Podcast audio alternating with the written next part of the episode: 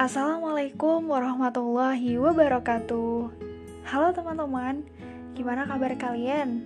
Semoga kita semua dalam keadaan sehat ya. Gak terasa, udah seminggu lebih kita berpuasa. Gimana nih ibadah kalian? Masih semangat? Udah kendor? Atau biasa-biasa aja? Alhamdulillah wa syukurillah Allah masih memberikan nikmat untuk kita menikmati indahnya bulan Ramadan. Di tengah pandemi ini, Allah masih sayang sama kita dengan masih diberikan umur untuk bisa mendulang pahalanya. Ya, seperti yang kita tahu bahwa Ramadan adalah bulan yang istimewa.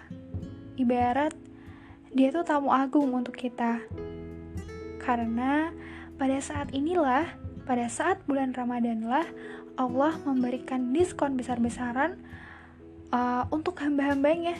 Diskon apa? Diskon pahala. Oleh karena itu, mungkin dari kita ada yang belum maksimal menyambut bulan Ramadan. Yuk, kita maksimalkan mumpung masih ada kesempatan. Ya, setidaknya Meski kita nggak bisa menyambut dengan baik, kita masih bisa berpisah dengan Ramadan dengan cara yang baik. Ngomongin Ramadan di tengah pandemi, mungkin kita merasa saat ini banyak momen-momen yang hilang.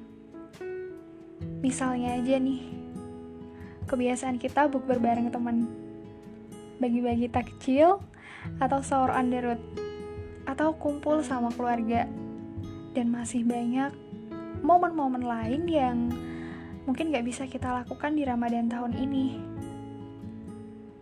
Ya sedih sih, tapi coba deh kita ambil hikmah dari pandemi ini. Barangkali Allah itu pengen kita lebih fokus ibadahnya.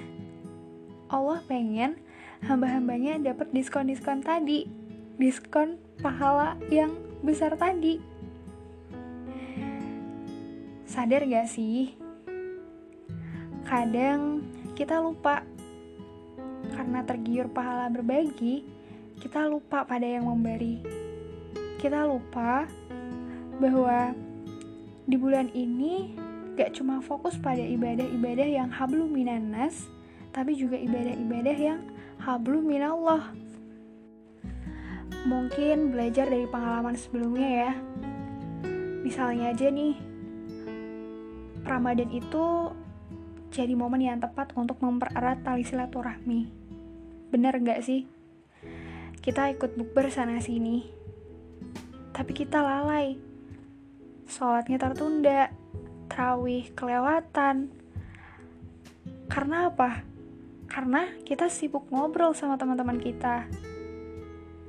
Misalnya lagi, hmm, mengadakan kegiatan sosial, bagi-bagi takjil, sahur on the road, atau kunjungan ke panti asuhan. Hari-hari kita tuh kayak sibuk banget sama kegiatan-kegiatan. Ya memang benar bahwa kegiatan itu tuh bermanfaat. Tapi kadang saking banyaknya malah membuat kita jadi lupa. Jadi capek yang endingnya mau tadarus udah ngantuk mau tarawih udah males udah capek tahajudan apalagi kelewatan saking capeknya. Habis subuh tidur lagi. Mungkin nih di tengah pandemi ini Allah itu pengen kita lebih introspeksi diri dan kembali menata hati bahwa Ramadan itu bukan hanya tentang ibadah hablu minanas atau ibadah kepada sesama manusia, tapi juga hablu minallah. Dia rindu sama kita. Mungkin Allah pengen kita itu lebih fokus beribadah sama dia. Ya, saya nggak bilang bahwa berbagi itu nggak baik. Berbagi itu baik, baik banget dan itu sangat dianjurkan di bulan Ramadan ini. Tapi alangkah lebih baiknya kalau misalnya kita bisa menyeimbangkan keduanya.